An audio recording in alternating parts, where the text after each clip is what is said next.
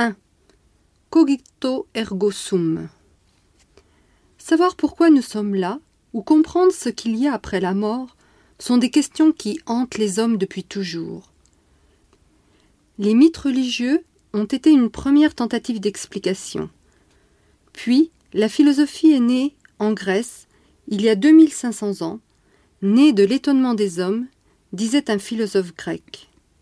Depuis, la pensée philosophique s'est enrichie sans cesse, grâce à Socrate, Descartes, Kant, Freud ou Derrida. Mais le mot philosophe a-t-il un féminin? Depuis récemment seulement. L'histoire de la philosophie est le reflet de la longue oppression des femmes en tant qu'êtres pensants.